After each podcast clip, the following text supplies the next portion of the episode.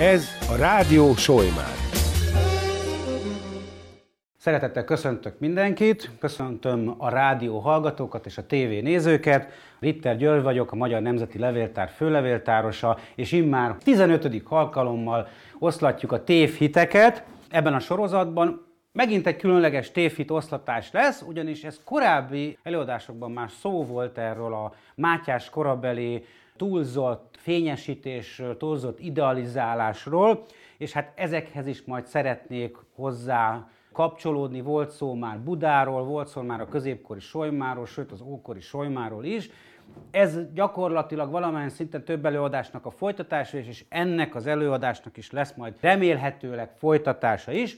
Tehát a tévhit, amit szeretnénk eloszlatni, az, hogy a középkori Solymár fénykora az Mátyás király idejében volt, és mielőtt még ezt elkezdeném, még az előző előadásomhoz szeretnék valamilyen szinten csatlakozni, az a Málenki robotról szólt, és hát kaptam ilyen visszajelzéseket, hogy talán nem volt egyértelmű, de én azt próbáltam ott bizonyítani, hogy a Málenki robot elnevezés alatt többféle kényszermunkára deportálást értek. Ezek a kényszermunkára deportálások általában tömeges jellegűek voltak, egy falunak a lakosságának meglehetősen nagy százalékát hurcolták el az oroszok, vagy a német származásuk miatt, vagy azért, mint ahogyan elmondtam, a szakmai tudásuk miatt, a férfiúi erőnlétük miatt, azért, hogy ne hurcolja el az ellenség katonának, illetve a helyi munkálatok a helyi romáltakalítási munkálatokra. Ezeket mind Málenki robotnak hívják, és ezeknek voltak jellemző időszakai a front alatt.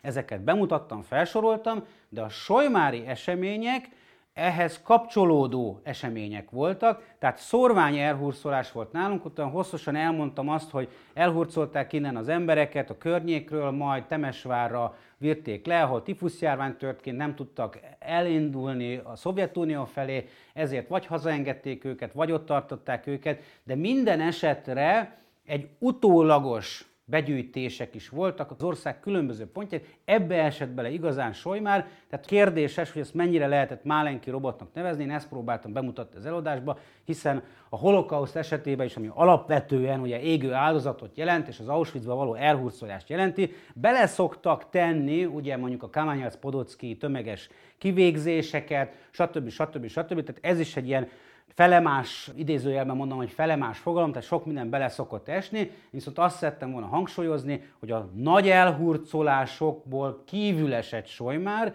és csak február végén, március elejei romáltakarítási munkálatokra, illetve jó pár embert ugye a Szovjetunióban is ugyan elhurcoltak, de ezek a nagy elhurcolásokon kívül esett, tehát ennyit zárójelbe az előző megjegyzésért, azért, hogy mondjuk ezekért az emberekért kell-e emléktáblát alapítani, vagy a hősök emlékművére fel kell őket vésni, ez már egy másik vitatárgyát kell, hogy képezze. No, most ezt zárójelben mondtam, tehát az előző előadásomhoz igazodva, és akkor kezdjünk ebbe bele. Nem nagyon értek a középkorhoz, ezért sok idézetet fogok most mondani majd középkorászoktól. Azt szeretném tehát bizonyítani, hogy a Mátyás kultusz viszonylag hamis Solymáron. Korábbi előadásomban már ezt sokszor megtettem, olyan az előbben is mondtam, de célom, hogy a Solymár középkori történelmét vázlatosan bemutatva megmutassam, hogy mikor volt a legfejlettebb a település a középkorban. A magyar folklór és hát a Buda környéki más nemzetiségek által is lakott településeinek régi közhelye az, hogy Mátyás király uralkodása az egy ilyen ideális időszak volt. Ezen a dián is látható, hogy mennyi emlék van ma Solymár, amin ezt gyakorlatilag tovább viszi, emléket állít neki. A szomszéd községeinknek a helytörténeti könyveiben a 18.-19. századi forrásokra hivatkozva, és egyaránt azt erősítik, hogy a Mátyás uralkodása volt azokban a falvakban is a nagy fénykor. Az igazság azonban jóval árnyaltabb, Solymár esetében legalábbis biztos.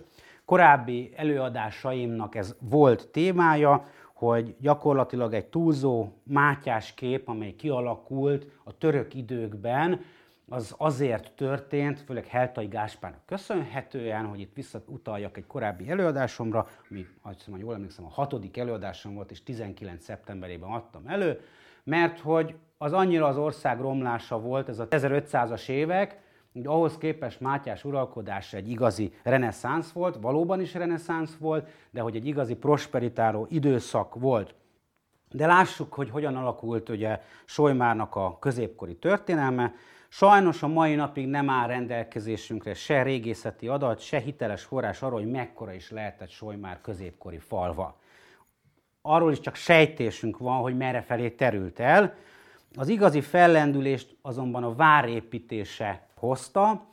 A falunak ehhez csatolt részét nagyon sokszor a középkorban egyébként uradalomnak is mondják. Tehát, hogy a Solymári várnak egy egész uradalma volt, hogy ez mennyire valós, vagy mennyire nem valós, ezen vitatkoznak azért a középkorászok, de az a lényeg, hogy ugye azt mindannyian talán tudjuk, mert nem olyan régen ünnepeltük is, mert most már lassan már régen is volt, hogy 1266-ban említik, mint prediumot, ami gyakorlatilag egy pusztát jelent, hiszen egyetlen egy ember ért rajta, talán a feleségével, de az biztos, hogy négy gyermekével, és a későbbi másfél évszázadban sem lakhattak többen pár tucat embernél. 1401-ben már valószínűsíthetően áll a vár, ami hát gyakorlatilag egy ilyen kőgyűrű igazából, és a Zsigmond korabeli ilyen bárói királyi harcoknak egyik szintere is lesz, de aztán a Budának a közelsége, meg a megannyi környező kis településnek a hálózata egy picikét felvirágoztatja ezt a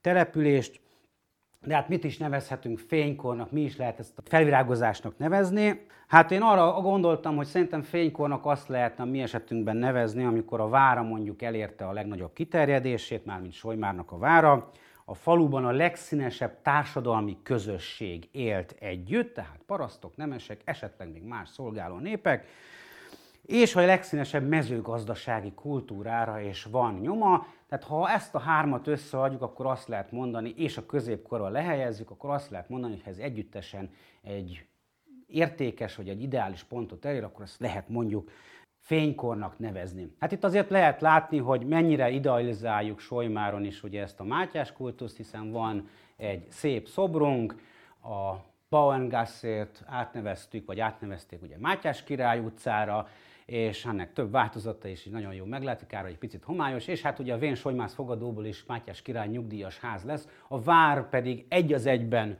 gyakorlatilag önti magából ezt a Mátyás kultuszt, tehát hogyha valaki idejön, biztos, hogy találkozik Mátyás királya, arról nem is beszél, vagy a német nemzetiségi általános iskolát és Hunyadi Mátyásnak hívják, aki hát ebben a mi voltában azért eléggé nehéz hogy is mondjam, hozzá társítani ilyen nemzetiség mondtat, bár a szászoknak a privilégiumát valóban megerősítette, de azért ez mégiscsak egy kicsit túlzás. Kezdjük az elején. Az első korszak, hát ez nyilván ugye a Béla, nyilvánvalóan az oklevelünk keltezésének időszaka, erről is tartottam már egy előadást, amikor Solymár nevéről beszéltem, Ugye Béla herceg, ő ifjabb király volt, az ifjabb király egy olyan titulus volt a középkori Magyarországon, hogy a herceget kapott egy területet, nagy, először Horvátországot, aztán Erdélyt ebben az időszakban, kipróbálhatta magát királyként ezen a teritoriumon, gyakorlatilag korlátlan ura volt, és hát amikor később király lett, akkor itt kamatoztatta a tapasztalatait, de még Béla herceg, negyedik Béla, még ifjabb király volt, 1225 és 27-ben kísérletet tett, hogy Visegrád megyét, ami korábban létezett, újra élessze. Egy óbudai ispánságot hozott létre, ugye az óbudai várnak, ez az ős, vagy nem, nem mondom azt, hogy ős Buda, mert az más jelent, tehát az óbudai vár, az eredeti Buda vára, az így nézett ki. Ez a rekonstrukciója, ugye ez ma ott a, az Árpád hídtól a templom környékén található meg. Egyébként alapfalai megvannak, csak lent a pincében, tehát hogy nagyon kevés maradt meg belőle.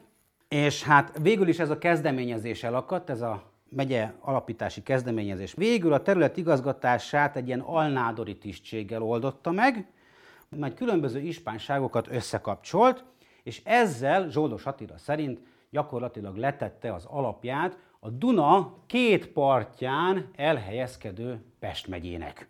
Hát nagyjából így születhetett Pest megye.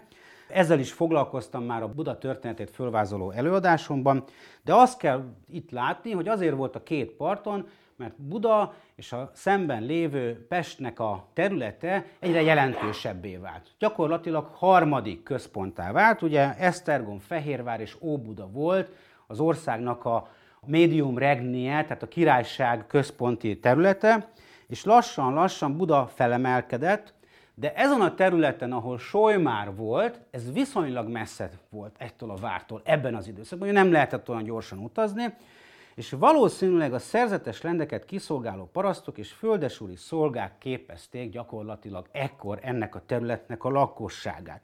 A megyé területén élő paraszti népesség az Árpád-korban nem a világi nagybirtokosok földjeit művelte, hanem a királyi vagy egyházi birtokszervezetek valamelyikéhez tartozott. Tehát valószínűleg Solymárra is ezek a egyházi birtokok voltak nagyban hatással. Ráadásul Solymár furcsa helyen feküdt, három útnak a közelében, de nem rajta. Tehát, hogy három nagyon forgalmas középkori út volt. Az első a mai Békás megyer környékéről indult Plisszántó felé, ez is elkerült minket. A második az ősi római út volt, ez a tízes számú úttól gyakorlatilag le a völgyben lévő római út, mai napig is megvannak a maradványai, ez sem volt túlságosan a közelünkbe, illetve a harmadik út az Hüvösvölgyből indult, és Nagykovácsi fele, Telki, Zsámbék fele ment, tehát ez is elkerült minket, tehát tulajdonképpen valahogy így kívül estünk ezen a területen. Ugye itt van az oklevelünk, illetve hát ez nem is egy oklevél igazából, hanem egy végrendelet, ha műfaját tekintjük. Ebben ugye Solomárnak nevezik, ami egy prédium, ugye mi is volt ez a prédium, tehát ez Solymának az első település formája. Ez gyakorlatilag azt jelenti, hogy ez egy házi gazdaság. A középkori faluval Szabó István középkorász foglalkozott, és ő úgy fogalmazta meg, hogy nem falu számba vehető telep gyakorlatilag. Tehát Solymáról legkorábbi adatunk egy olyan állapotában van, amikor gyakorlatilag alig létezett, szinte elnéptelenedett. Lakói ezeknek a prédiumoknak általában szervuszok, vagyis szolgák voltak, akik uraikat szolgálták ki. A szervuszok általában az uraknak a háztartásához tartozott, és földet csak megművelésre kapott, tehát valódi földtulajdona nem volt. Ezeknek a korszaka a 11. és 13. század közé eshetett. Korábbi előadásomban, vagy előadásaimban két dolgot említettem ezzel kapcsolatban, és én ezt tartom mai napig is, annak ellenére, hogy tényleg a középkorral nagyon nehéz tudományág, nagyon csinyán kell bánni, de én azt gondolom, hogy egyrészt nem talált még senki arra forrást, hogy Solymáron solymászok laktak volna. Főleg abban az időszakban, amikor a neve előkerül, meg egyáltalán nem. Én nekem az a feltételezésem, és ez természetesen vitatható, meg megcáfolható, hogy szerintem a király solymászoknak egy olyan telepe volt ez, ami a solymászok életét szolgálta ki. Magyarul ez azt jelenti, hogy véleményem szerint Solymárt azért nevezik Solymárnak, mert a solymászoknak vagy az erdeje volt ez, vagy a solymászoknak vagy a szántója, legelője, földje volt, ami így rajta ragadt. Mert elvileg ezek a solymászok inkább azokban a várkastélyokban laktak, amelyek följebb vannak a Pilis hegyeiben, Szentendre és környékén, Dömösön, stb. stb. Tehát én azt gondolom, hogy ez a terület a solymászoknak kirendelt terület volt, ebből éltek. Amit itt a szervuszok megtermeltek, tehát a szolgák megtermeltek, abból éltek a solymászok, és ez ráragadt. Véleményem szerint ez a, az alapja. A Solymár első említése pont annak a társadalmi folyamatnak a végén történt, amikor a földművelő rétegből létrejön az úgynevezett jogilag egységes jobbágyság, erről talán történelmi órán sokszor hallottunk volna, itt egy ilyen tipikus jobbágynak a képe. Zsoldos Attila szerint a 13. század első harmadában kaphatta királyi adományuként az idősebb Mojs Nándor, a Pilisi Csabát és Tinyét, melynek utóbb fia kezén tűnnek fel. Meg lehet, hogy a közeli Solymár és Mojs Nándor szerzemények közé tartozott, mivel utóbb ez vejének, a bár kalán nembéli Pósa fiának Nánának a birtokaként szerepel. Vagyis, ha ez igaz, akkor második Mojs, Majsa Mojzes, Nádorról van szó, aki kb. 1200 és 1220 között született, tőle származik a Dárai Mojs család is, de ez ilyen mellék dolog, ő negyedik Bélának a kedvelt bárója volt, sőt, egyes középkorászok szerint még Árpád ház rokona is volt. Sokan feltételezik, hogy ez a Mols Nándor, ez körülbelül 1244-ben kapta meg ezt a Csaba és Tínye körüli területeket, és szerintem ez azt is jelenti, hogy Solymár akkor már létezett. Tehát igazából ezt a 66-os dátumot nagyon-nagyon-nagyon jogosan el lehetne tolni 1244-be is, és nagyon érdekes társadalomtörténeti forrás ez az oklevél, ugyanis ebben azt mondja meg, és itt jönnek be az előbb említett nevek is, hogy negyedik Béla király jóvá hagyja a Kalán nembéli Pósa István fia Nána és felesége, a néhai Mols Nándor leánya, tehát a Mols Nándornak a leányáról van tulajdonképpen szó, aki ezt a birtoktestet kapja, azon intézkedését, hogy magtalanságuk esetére birtokait a szigeti Szűz Mária egyházra és kolostorra hagyják. Ugye itt a Margit szigeti apácákról van szó, a Baranya és Csongrád megyékben és a Tisza mellett fekvő birtokok mellett szerepelnek Gvanda, Miselha és Fonkol Pest megyei birtokok is, és Solomár nevű puszta Buda mellett egy szolgával, akit egyébként nenének hívnak, és egy ekényi föllel és szőlőkkel. Ez nagyjából kivonatta ennek az egész oklevélnek, amit itt felolvastam. Azért érdekes ez, mert a középkori oklevelekben nagyon ritkán írták föl a szolgáknak a nevét. Ugye ez a nene gyakorlatilag az egyetlen olyan solymári lakó, aki, hát hogyha az ókori itteni sírokat nem vesszük, akkor gyakorlatilag az legelső solymári lakó, aki négy gyermekével itt lakik, és hát ritkán adatik meg, hogy pontosan tudjuk, hogy kiről van szó, akik itt laknak. Egy kis képzelőerővel el lehet képzelni azt, hogy ugye a sportcsarnok mellett találtak egy ilyen 12.-13. századi kézikorongon készült fazekakat, tehát egy kisebb telepet. Elképzelhető, hogy az ő tulajdonáról van szó, aki egyébként egy, egy teljesen egyszerű és valószínűleg elég nehéz életet élő kis földműves lehetett. A szomszédos települések viszont királyi birtokok voltak, ahol szintén hasonlóan, mint nenéhez, ilyen szervuszok éltek. Kovácsi, Borosenő, Bogdány, Borony, nagyjából itt lehet látni, hogy itt van Borony, tehát hogy itt van Solymár, mint középpont, és akkor ezek a középkori falvak, települések, amelyek hát azért itt előfordultak, azért valljuk be egyébként a korszakhoz képest meglehetősen sűrűen lakottak voltak. Tudunk még egyébként többről is, tehát Velencéről, ami nagyjából a Szélhegy környékén kellett, hogy legyen, vagy Pilis Csaba környékén.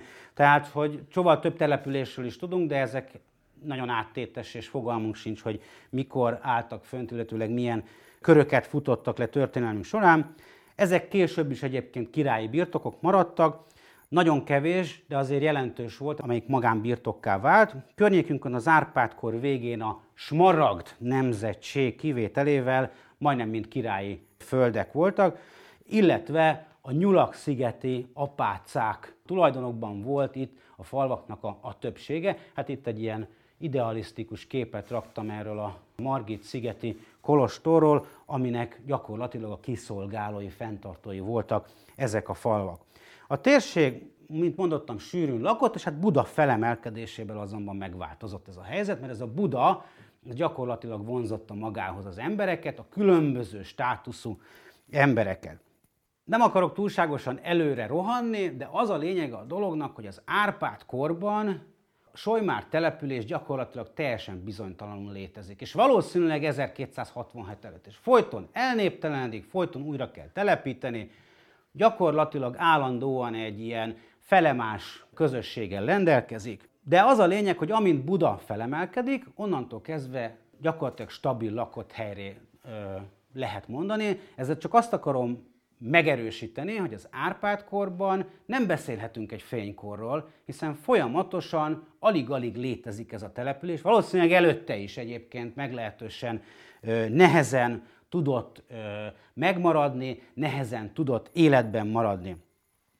Ö, viszont az egy nagyon fontos ö, dolog, és ezt szerintem érdemes megemlíteni, hogy amikor megkapják ezzel az örökséggel, amit itt vázoltam, a Nyúl, Nyúl-szigeti, tehát a Margit-szigeti apácák megkapják ezt a területet, akkor lényegében a szolgáknak a helyzete az nagyban javult. Ugyanis a szolgáknak a legjobban az egyházi birtokon jó volt a soruk. Tehát el lehet képzelni azt, hogy Nene, aki egyébként valószínűleg túléli ezt a végrendeletet, a Margit-szigeti apácákhoz kerül, és ott rögtön jobbágyá is válik. Ugyanis ezt eredményezte az, aki egyházi birtokra került. Fejér megyéből tudunk olyan feljegyzést, hogy egy ilyen csapat szolga egyszerűen elindult, és magát az apácáknak a kegye alá helyezte, és egy csapásra jobbágyá vált. Tehát egy ilyen kis szökések, vagy ilyen kis vándorlások is társadalmi emelkedést hoztak, és valószínűleg nenének és négy fiának is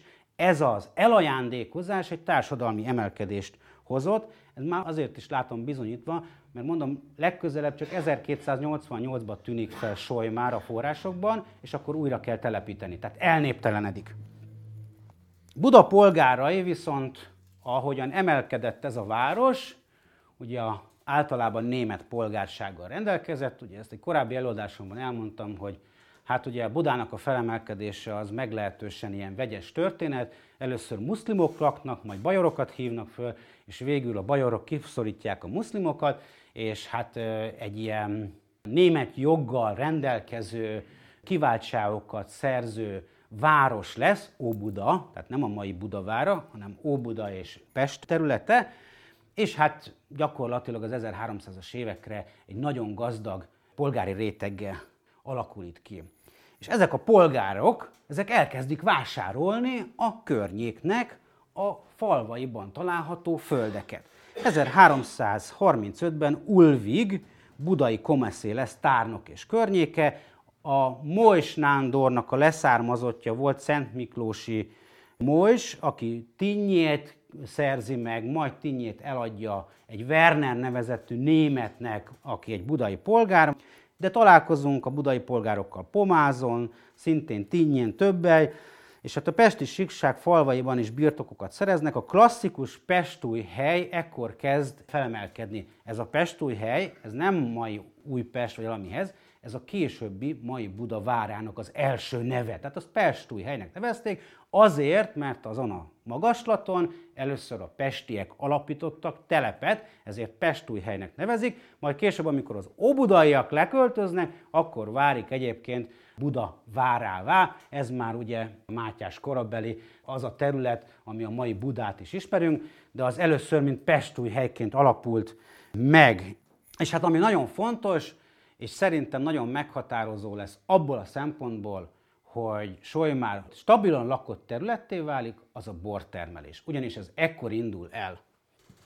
Az Anzsukorban, és az Anzsukor végére válik egyébként, hát ugye úgy szokták mondani, hogy Civitas Principalias fővárossá gyakorlatilag Buda, és hát ami a legfontosabb, nem is ez, hanem az, hogy gazdaságilag megerősödik ez a terület, és stabilitást ad a környéknek is. Makkai László szerint a 13. század második felében részben a király szerviensek, részben a király mértok különböző állapotú népei, főleg a várjobbágyok, azok, akik eztnek a környéknek a bortermelését elkezdik meghatározni. Köznemesek, királyi szerviensek, királyi birtokok várjobbágyai, akik folyamatosan emelkednek, süllyednek, illetve a budai polgárság.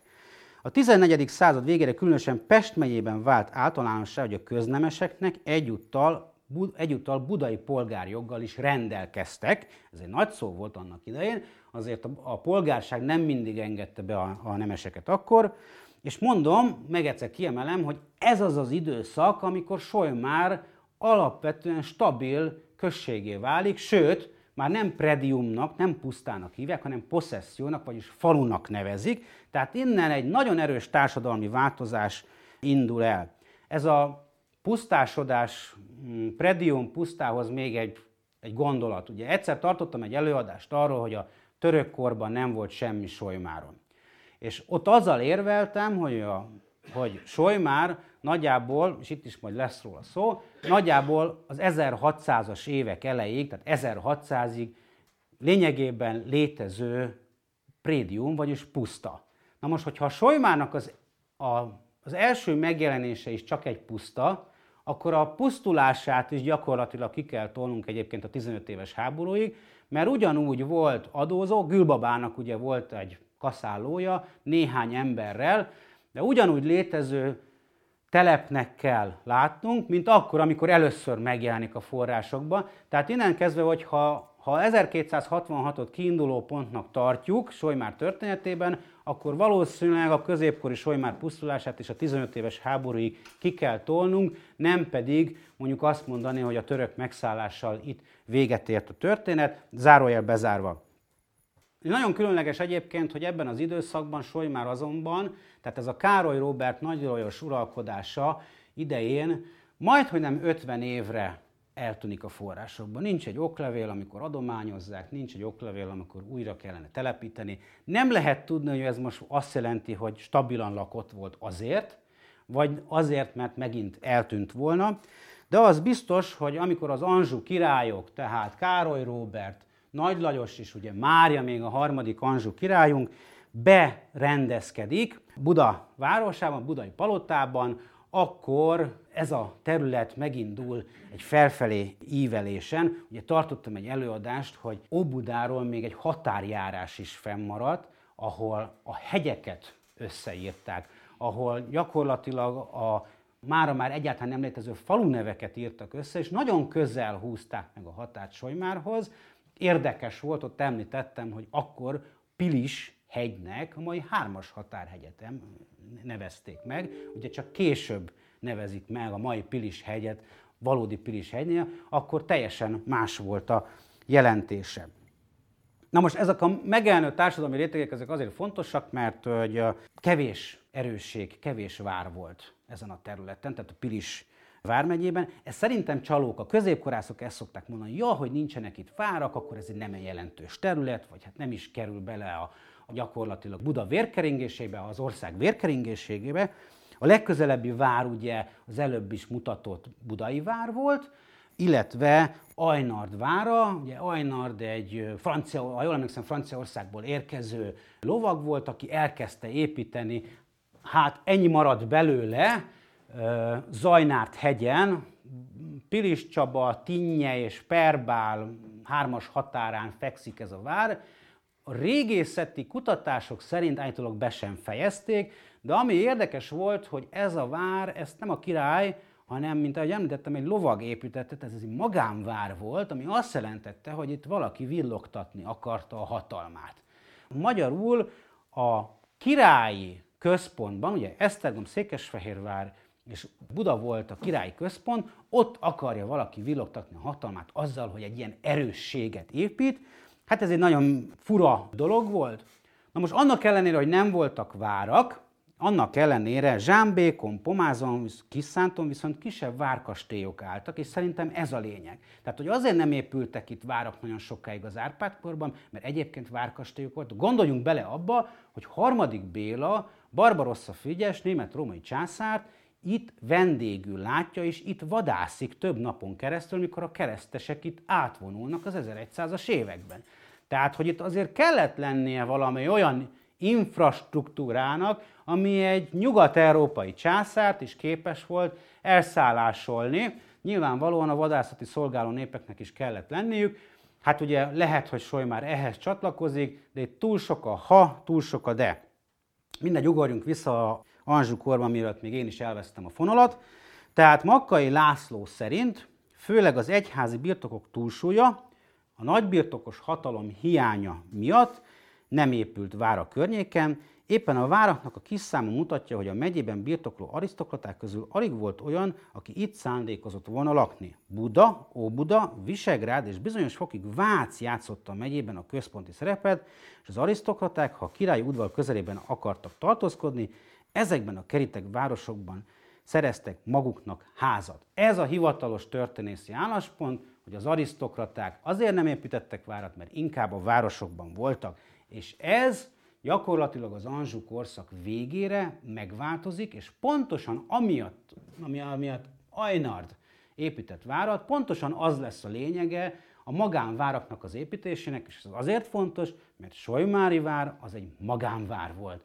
Aznak gyakorlatilag az volt a funkciója, hogy mutassa a hatalmát a földesúrnak a hatalmát, ez esetben a lackfiék voltak, a főváros mögött, a főváros mellett, és ezzel gyakorlatilag azt sugalja, hogy sakban tudja tartani.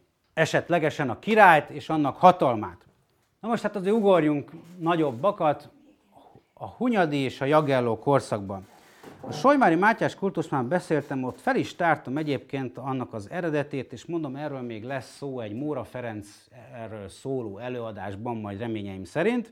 Azt hiszem ez a hatos előadásom volt, és a Vadas kertről is beszéltem már, ez a híres Mátyás királynak a Vadas kertje, ugye ez a legendának az alapja, amiről gyakorlatilag abban az előadásában elmondtam, hogy egy baromi nagy smafu, mert arról szól, hogy itt járt a 18. században egy utazó, ránézett a várra, és azt mondta, hogy hát ez biztos, hogy ennek a vadaskertnek a része, innentől kezdve a Solymári vár a vadaskertnek a része, és mivel, hogy azt a vadaskertet Olá Miklós, akkori bestseller szerző művében Mátyás királyhoz rendeli, ezért ez Mátyás király vadász kastélya, innentől kezdve minden Mátyás királyról szól Solymárom. Tehát, hogy, de azért menjünk el, és nézzük meg ezt a, a vadas kertet, mert ez lesz egyébként valamilyen szempontból számunkra a fontos, és a, a fénykornak a meghatározója is, csak éppen nem Mátyáshoz köthető. Ott is elmondtam, de akkor most is elmondom, hogy Mátyásnak a kedvenc vadászóhelye az valószínűleg Csepel volt. Itt is járt, tehát nem arról van szó, Nyéki vadaskertben is nagyon sokat járt, de Csepelt azt jobban szerette. Az ilyen áruhás történetek pedig azok egész Európában egyfolytában terjedtek. Először Nagy Lajosról voltak ilyen sztorik, aztán ez elmátyásodott, lehetett volna ez még több is, tehát hogy Na, de az a lényeg, hogy Solymár a garajak és az újlakiak tulajdona volt, ezek két nagy báróról van szó, nagyjából 1455-ről. 1481-ben tényleg Mátyásé lesz a Solymári vár, de ezt egy évvel később oda is adja ugye törvénytelen fiának, Korvin Jánosnak. És a Jagaelló korszak az azért is fontos számunkra, mert egy hatalmas nagy migrációs, ez most nagyon népszerű fogalom, migrációs hullám indul el az ország szívébe, ugye azért ez ismerős lehet, és Stringli István középkorász, aki megírta Pest megye történetét ebben az időszakban, úgy fogalmaz, hogy Pestre, Budára, Óbudára, nagyjából ezért a korabeli falu szerkezetet, település szerkezetet mutató térkép szelvén. Tehát Pestre, Budára, Óbudára, Magyarországról beköltözők közül a Pest megyeiek voltak a legtöbben. A mezővárosba, Óbudára költöztek a legtöbben közvetlen környékről, tehát 32 kilométeres körzetből érkezett a Jagerlókori lakosság 50%-a, az arány Pesten 41% volt, Budán 23, a budai oldalon a szőlők voltak a polgári birtokszerzés célpontjai, Óbuda őrs, ez a mai Aranyhegy, tehát a ürömi elágazástól észak-keletre fölfelé ott lehetett Óbuda őrs falva, de ennek az Óbuda őrsnek a pusztásodását az okozta, hogy a lakóik földjeikre szőlőt telepítettek, majd ezeket a szőlőket eladták a polgároknak, maguk pedig elköltöztek. Tehát így volt, hogy egy falu mondjuk megszűnt ebben az időszakban. Éppen a korszakunkban kezdte Budavárosa megnehezíteni a nemesek városi ingatlanvásárlásait, ennek ellenére Pest megyéből származó nemesek is birtokoltak házakat a falakon belül. Úgy gondoljuk, hogy ezek a folyamatok biztosan érintették Solymárt is, még akkor is, ha a bezőnő hullám főleg alföldi térségekből érkezett. Az eredmény érezhető. A közeli Buda drága piacairól a kisebb, előnyösebb vozás közepbe húzódtak a tömegek, így jelenhettek meg gyakorlatilag Solymáron is a köznemesek. Például a Zempleki család is, aki 1511-ben Zempleki Tamás és felesége kúriával és házzal rendelkezett Solymáron. Tehát gondoljuk be, hogy a várnak még uradalma is volt, és még köznemese is volt, tehát ez egy irdatlan központnak számíthatott ebben az időszakban. Természetesen ez egy erős túlzás a részemről, de valamilyen szinten színesebbé vált a lakosság, és a lakosság összetételről is van tudomásunk. A végrendeletükben egyébként rétekkel, szőlőkkel együtt Zempeléki Tamásra és Sámboki Adonjára adományozták, tehát azt is lehet látni, hogy Solymárnak ekkor nagy határa volt. Egyébként az is érdekes, hogy fennmaradt egy oklevél ebből az időszakból, és ha jól emlékszem, 1450-es években volt egy hatalmaskodás. Középkorban nem azt mondták, hogy erőszak, meg nem azt mondták, hogy érzékenyítés, meg stb. stb. stb. hatalmaskodás. A hatalmaskodásnak az volt, belefért nagyon sok minden, a gyilkosságtól elkezdve az erőszakon keresztül addig, hogy másnak lekaszálták a búzáját. Na, ilyen történt Solymáron is, és az is érdekes, hogy ezt jelentették, volt belőle egy csetepati, de az az érdekes, hogy a Boron felé, tehát a mai Csobánka felé vezető utat az oklevélben Solymári útnak nevezik.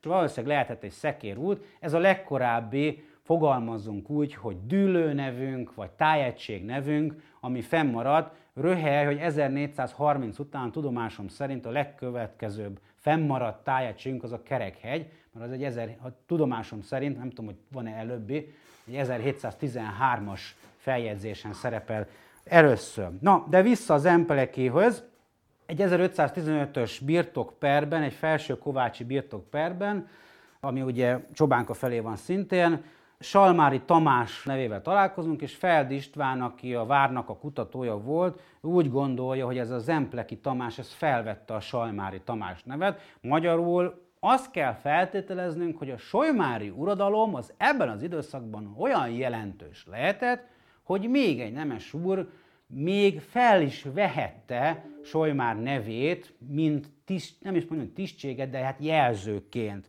Tehát, hogy ezzel csak azt akarom mondani, hogy a település társadalmi rétegződése nagyon megváltozott ebben az időszakban. Tehát a jogelló korszakban azzal, hogy kisnemesek jelentek meg, és hát ennek valószínű, hogy az előbb említett gazdasági oka is voltak a bortermelés.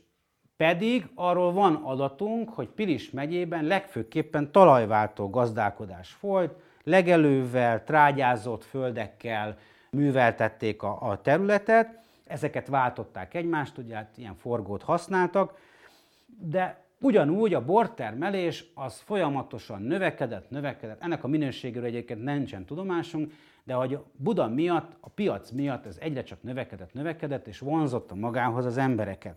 Illetve hát minden faluban voltak szőlőhegyek. Ugye Tringli István szerint a budai borvidék esetében elvégzett vizsgálatok azt bizonyítják, hogy a szőlőművelésben jelentős szerepet játszott a fogyasztás, a termelés és a tőkebefektetés, tehát valószínűleg egy befektethető terület volt Solymár, Komoly hozamra csak azt tehetett szert, akinek nagyobb birtoka lehetett. És hát ezért is mutattam be ezt a Zempeleki családot.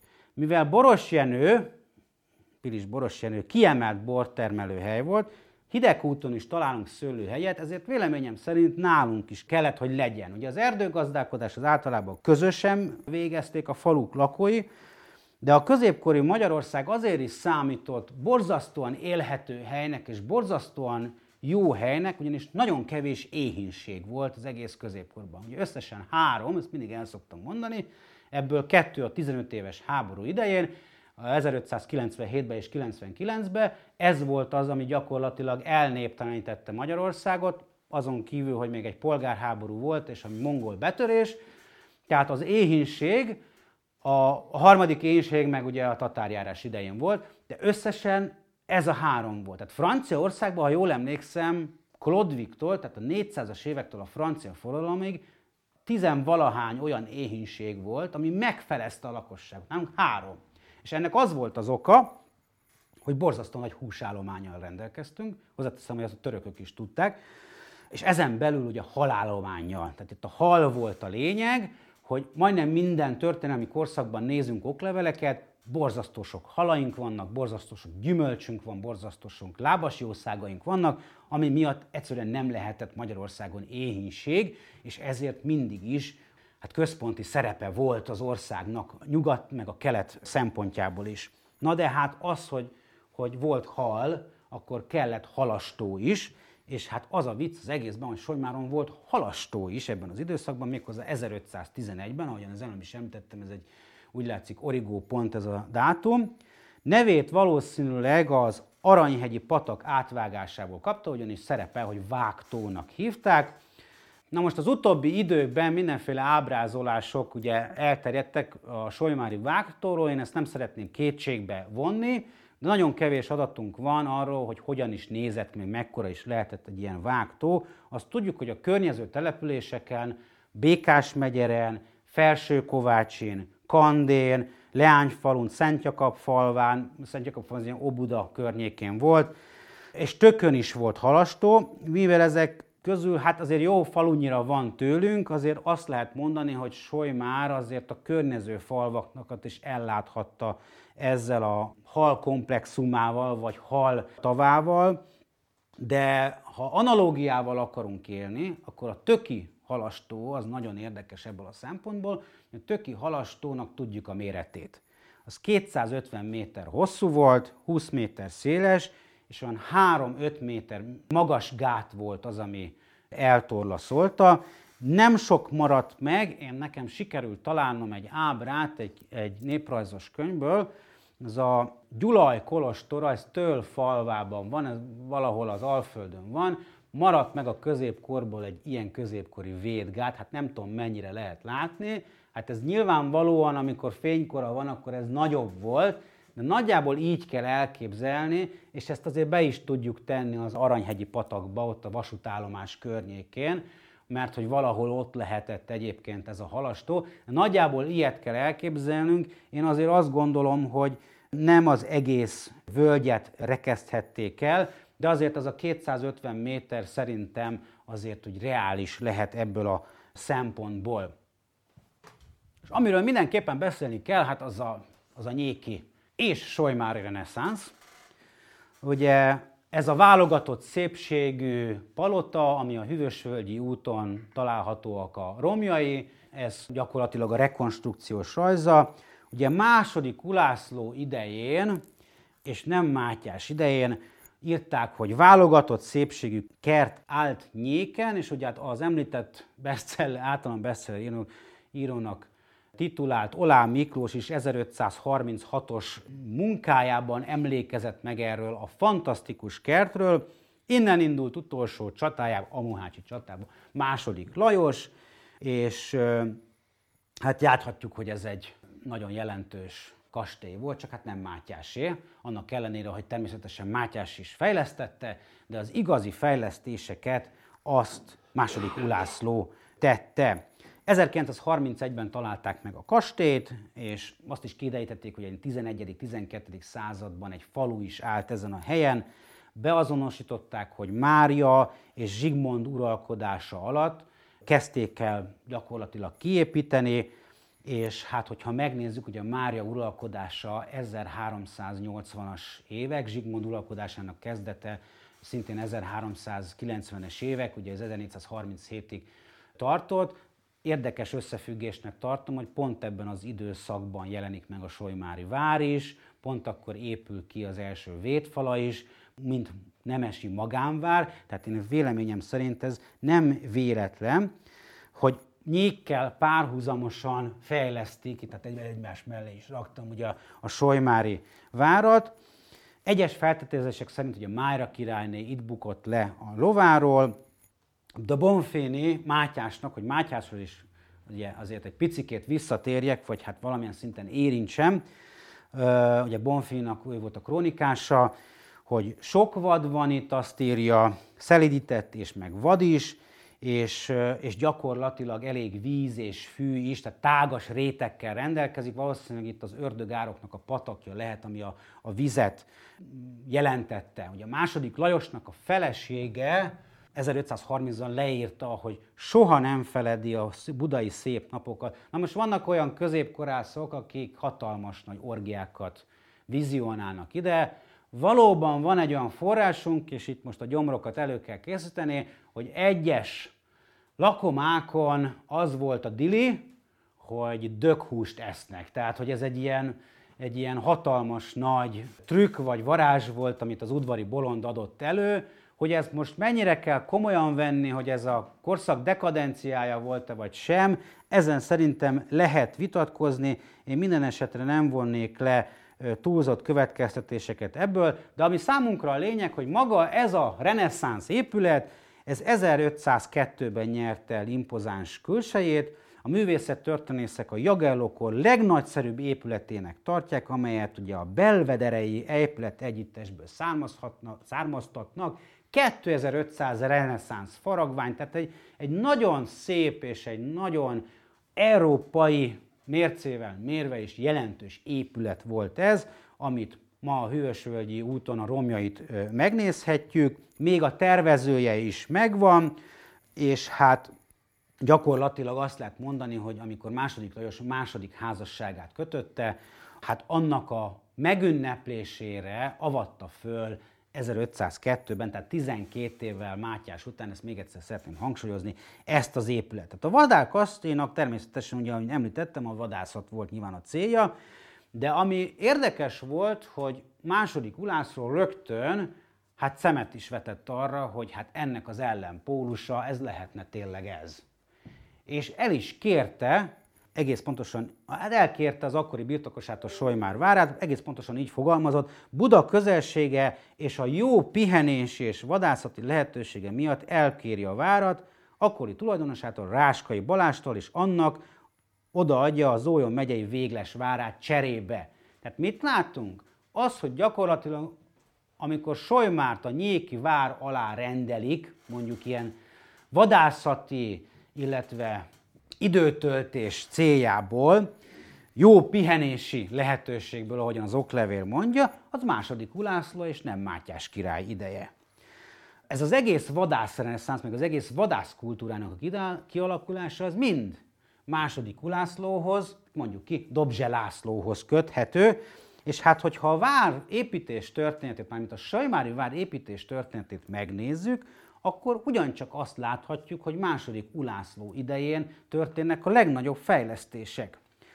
Egy picit visszatérve, ugye, ahogyan előbb is említettem, tehát nagyjából 1390 és 1401 között épülhetett a Solymári vár, akkor még egy ilyen kőgyűrű volt, de nagyon gyorsan kellett, hogy egy palota is épüljön hozzá, mert Zsigmond, aki később német-római császár volt, kétszer is vendégeskedett nálunk, 1404-ben és 1410-ben is, tehát hogy nem volt azért annyira, hát mondjuk komfort nélküli idézőjelbe ez az épület, de az a lényeg, hogy amikor a bárói harcok elkezdődnek Zsigmond és a bárók között, és Zsigmond kerül ki győztesen, akkor a felesége, Zsigmondnak a felesége megkapja ezt a Solymári várat, és egy nagy fejlesztésekbe kezd. Tehát azt lehet mondani, hogy az első fénykor a Zsigmond idejében van. Aztán megkapja a Garai család, ahogyan az előbb is elmondtam, kicsit lelassulnak ezek a fejlesztések, amikor a második Ulászló az előbb említett módon megszerzi ezt a várat, akkor gyakorlatilag ugyanez a reneszánsz stílus, ez itt is elkezd kialakulni. Ugyanis reneszánsz tagozatú ablakokat kap a Solymári vár, ajtókat, átalakították a födémeket, barnás-vörösre festették a belső falakat, pincét alakítottak ki, a pincét fehérre meszelték, a tetőzete átnyúlt a falakon, tehát magasabb lett a falakon, ugye ezt később úgy állapították meg, hogy itt a régészek itt a, az oldalán találták meg ennek az épületnek a romajait. Ők akkor még nem ismerték, de ugye az 1713-as vatai féle oklevélbe, vagy leírásba, vagy jelentésbe az szerepel, hogy az egész vár egyébként túlnyomó többségében még ép 1713-ban, csak ez az oldala, ez omlott le. Tehát, hogy nem csak régészetileg is alátámasztható, hanem írásos forrásra is alátámasztható, hogy egyébként egy elég masszív vár volt, nem túl jelentős, de elég, elég masszív vár volt. Ez az öreg torony is, amit Garaiék kezdtek el építeni, ez is akkor kapja meg ezt a díszes formáját. Azt lehet mondani, hogy az egész vár gyakorlatilag csak Mátyás uralkodása után készül el. A 16. században ugye Bakics Pál kapja meg a várat, ő egy főrangú volt, ő gyakorlatilag, hát itt ez az öreg torony, itt egy ilyen falszakasszal kiegészítette, Na most ezt azt gondolják, hogy ekkor már a várat ilyen ellenállásra, véderőre kezdték el használni, mert hát ugye két osztatúvá várik ezzel gyakorlatilag a vár, ezt nem tudjuk pontosan, de hát ezt lehet következtetni hogy egy ilyen elővárat is kialakítottak, hogy ez katonai okokkal magyarázható, ez szerintem hát meglehetősen nehéz eldönteni, de az biztos, hogy ez már a dúlásoknak az időszaka. És a 15.-16. században megszűnnek a leletek. Tehát ez is mutatja, hogy egy pillanat alatt, tehát Solymárnak az, kimondhatjuk, gyakorlatilag van egy nagyon gyors felívelése, második Ulászló idején, majd hirtelen le, és szinte azt lehet mondani, hogy egy nagyon-nagyon mély esés után egy majdnem 70 éves tengődése. Amit utána vár meg jelentősége megszűnik, gyakorlatilag a falunak a népessége is megszűnik.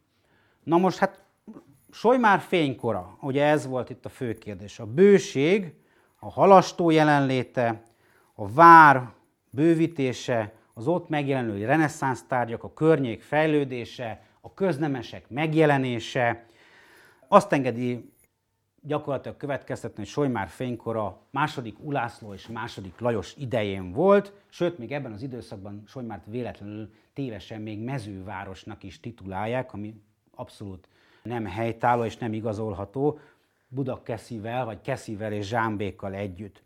1518-ban Buda kapja meg Solymárt, a konyha alá rendelik, hogy azt szolgálja ki, és onnantól kezdve egy leívelés kezdődik.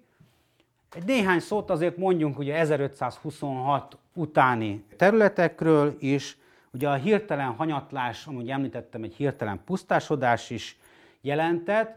Ugye tudjuk jól, hogy 1526-ban a törökök elfoglalják, ez az első török ábrázolása Budának, de a régészek úgy gondolják, hogy a, hogy a várostrom után az emberek csak elmenekültek. Ugye itt sok csata volt, tehát Pusztamarót esete, Török Bálint esete, Buda esete, elég nagy portyák voltak, de az emberek elmenekültek, és annak ellenére, hogy a 80 ezres volt ez a török sereg, aki 1505, amelyik 1526-ban gyakorlatilag szeptember 12-e és 25-e között itt portyázott, utána ők hazamentek egyébként, tehát nehogy azt higgyük, hogy a 150 éves török uralom az itt kezdődött, ők szépen hazamentek, aztán aztán megint-megint visszajöttek például 1528-ban is, de azt lehet mondani, hogy, hogy a 26-ban még nem néptelenik el a falu.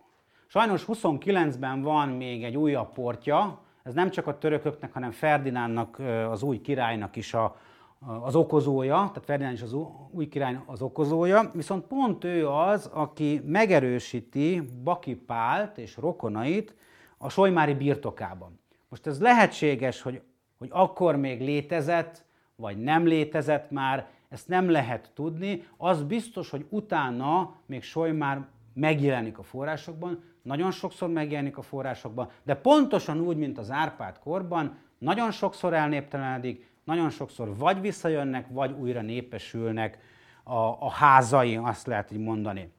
Hát itt lehet látni azért ugye azt, hogy nagyjából ez a 18. század közepén, és ez meg ugye az 1490-es években tartott, úgy, hát azt mondjuk, hogy népszámlálás, de egy ilyen felmérés, hát itt azért így messziről is talán lehet látni, hogy mennyire elnéptelenedtek ezek a falvak, mennyire elmenekültek északra, délre ezek az emberek, a, a, a lakók, és hát hogy mennyire ugye aztán a, a mezővárosokban ö, telepettek le. Nagyjából azt lehet mondani, hogy ez a településrendszer az, ami a középkorban többé-kevésbé, de állandónak mondható, és hát ugye azért itt Salmár meg Hidegút az, az, az jelen van. Ugye Solymáról még az a nevezetesség, hogy a törökkorban ugye ez Gülbabának a kaszálója volt, itt pedig Ferdinánd látható. Ferdinánd király. Még egy pár mondatot, hogy hogyan kell elképzelnünk, hogyan nézhetett ki a solymári falukép a középkorban. Ez, ez a lehetséges és a lehetetlen közötti állapotot mutatja be, tehát ez egy hozzávetőleges rekonstrukció, amit el tudok mondani, nagyjából a szakirodalomból. Valószínűleg minimum 8-an, de 23-nál többen nem lakhattak a 23-nál teleknél több nem lehetett. Tehát 8-23 között van a telkeknek a száma a középkorban, ez, nagy, ez, ez nem lehetett sokkal több. A házak agyagból, sárból és gerendákból épültek, a kőház ritka volt, és valószínűleg azért sem találjuk annyira Solymárnak a középkori ö, települését, mert ezek vagy paticsból készült házak voltak, nagyjából ezt kell feltételeznünk az Árpád korban, ez pedig az Anzsú korban, amikor már egy nagyobb kemence is van. Tehát lát, hogy földbe mélyített, egy kiáratos, egyáltalán az oldalfal, ami itt megjelenik. Ez az egyetlen egy olyan dolog, ami nagyjából így a, a Hunyadi korra, a, a Jagelló korra általánossá válhatott egy ilyen falukép esetében. A Pilis megyében szallagtelkes települések voltak, de elképzelhető, mivel hogy a feltételezések szerint ugye a vár alatt kellett valahol elhelyezkedni a falunak, ezért ilyen patakmenti falu is lehetett Solymár. Hát itt egy elképzelt kép, hogy egy ilyen patakmenti faluról, de nagyjából így lehet látni, hogy ilyen szerte széjjel állnak a házak, az esetlegese ö, ö, templom ö, körül, mert egyébként azt se tudjuk pontosan, hogy volt-e Solymának temploma, vagy nem volt temploma. Ugye nagyon erős feltételezés az, hogy a mai temetőben lévő Seffer kereszt, Seffer kereszt? Seffer kereszt, nél állt ugye a 18. századi templom, de azt nem tudjuk, hogy annak a 18. századi keresztelő Szentjáros templomnak, amelynek az alapítása és építése és egy előadást megérne, annak valóban középkori eredete volt. Valóban hegytetején állt, nagyon előnyös az elhelyezkedése, elképzelhető, hogy oda vizionálhatjuk egy olyan templomot, egy hasonló templomot, mint ami a legközelünkben, ugye Gercse pusztán, az is egy középkori falu volt, ugye a mai hideg úton fennmaradt, ugye ez is hát lényegében romban maradt föl, csak az utóbbi évtizedekben újjá építették, de nagyjából így kell elképzelnünk. Boros Jenőn is állt, úgy tudjuk, hogy az is templomos hely volt, ha jól tudom, ott sem nagyon találták meg ö, ezt a ö, templomot. Hmm. Hát gondos régészeti kutatásokra lenne szükség, hogy megtaláljuk egyébként. Én azt gondolom, hogy egyáltalán nem biztos az a feltételezés, de ez csak az én hozzátevésem, hogy a Kraugarten is környékén kellett állniunk. Többségében tehát jobbágyok lakták ezeket a falvakat, amint látjuk, hogy nálunk ugye először elképzelhető, hogy szolgáló népek, vagy a szolgáló népeknek a szolgáló népei, később ugye köznemesek, polgároknak a birtokai is megjelenik, és hát ugye a Hunyad és a Jagelló korszakban már csak kettő szolgáló népeket tömörítő falu van. Az egyik a borosjenői vincellérek voltak, a másik pedig a, mármint a környékünkön, a másik pedig a kisoroszi ajtón állók, aki hát ma azt mondanánk, hogy a királyi, a Visegrádi várnak a takarító személyzete volt, ma azt mondanánk gyakorlatilag.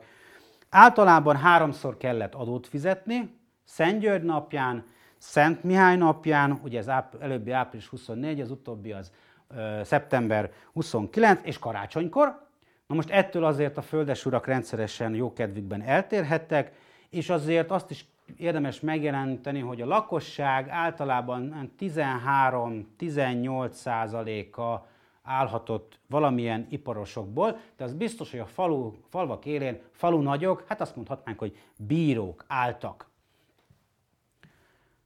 Na és hát összefoglalva végre, igazából Zsigmond és Ulászló időszaka volt az, amikor a legtöbbet fejlődhetett a vár és a település. Így nekik kellene gyakorlatilag szobrot állítani ebben a faluban, hogyha lehetne. Zsigmond kezdte el fejleszteni ezt a települést, akkor kezd el gyakorlatilag, és az Anzsuk idejében, az Anzsuk idejében és Zsigmond idejében tartósan lakott településé válni Solymár, és Ulászló pedig hát ilyen reneszánsz pompával vértezi fel a várunkat, és valószínűleg ezzel együtt egy nagyobb társadalmi, egy színesebb társadalmi közeg alakul ki, köznemesekkel, valószínűleg több iparosokkal, valószínűleg több jobbágyokkal is. Tehát elmondható az, hogy a falu társadalomtörténeti, építészeti szempontból is ekkor érte a virágkorát, és sajnos azt lehet mondani, hogy ez a virágkor be belecsapott a török hódításnak az időszaka, amelyel végletesen lelökte a falunak a színvonalát, a falunak az elhelyezkedését, a falunak a gazdaságát a mélybe, amiből ugyan felfel tudott támadni, és majdnem 50-60 éven keresztül még létezni tudott, de gyakorlatilag ezzel azt lehet mondani, hogy a középkori Solymár története véget ért, hogy majd a 18. században újján népesüljön, felévüljön, és hát egy egészen más történetnek adja át a színhelyét. Ezzel a gondolatokkal szeretném megköszönni a figyelmet, és hogyha valakinek van kérdése, esetleg felvetése, ha valami nem volt tiszta, az, az megteheti, hogy esetleg a rádiótól vagy a televíziótól is vannak. A rádiótól azonnal, a televízió nézőktől pedig a e-mail címem, hogyha esetleg van kérdés, ott is nyugodtan feltehetik. Ameddig a kérdések megfogalmazódnak, addig szeretném elmondani, hogy bizonyosan, mint ahogy Hilda is említette, nem olyan régen védtem a doktori disszertációmat, amelyet nagyon szeretnék könyvalakban is megjelentetni, viszont a mai gazdasági helyzet nem teszi lehetővé, hogy ez azonnal megtörténjen, ezért támogatókat keresek, hogy három kötetben, kétnyelvűen, ezzel a munkacímmel, végszó slusz volt munkacímmel meg tudjam jelentetni a, mm, ezt a trilógiát, amelynek az első része a második világháborúról, második része az előzés és kitelepítésről, a harmadik pedig a parasztalanítás időszakáról szólna. Aki tud és aki ismer, akár emberi erőforrások szempontjából, akár anyagilag is tudja támogatni, a, ezen a bankszámon számon lehet támogatni ezt a projektet. Nagy tervem, hogy jövőre elkezdjük ezt a munkát, és és hogy még 24 év végére az első kötet, 25-ben a második kötet, és a kitelepítés, előzés 80. évfordulójára pedig a harmadik kötet is kétnyelvűen meg tudjon jelenni. Ugye én interjúkat dolgoztam föl, amit körülbelül 10 évvel ezelőtt gyűjtöttem a magyarországi németek körében az Észak-Dunántúlon, és ezekben, ebben a diszertációban, ebben a dolgozatban, ebben a szövegben ezek az interjúk is megjelennek illetve közlésre kerülnek. Nagyon remélem, hogy meg tud valósulni ez a projekt a segítségükkel, a segítségitekkel.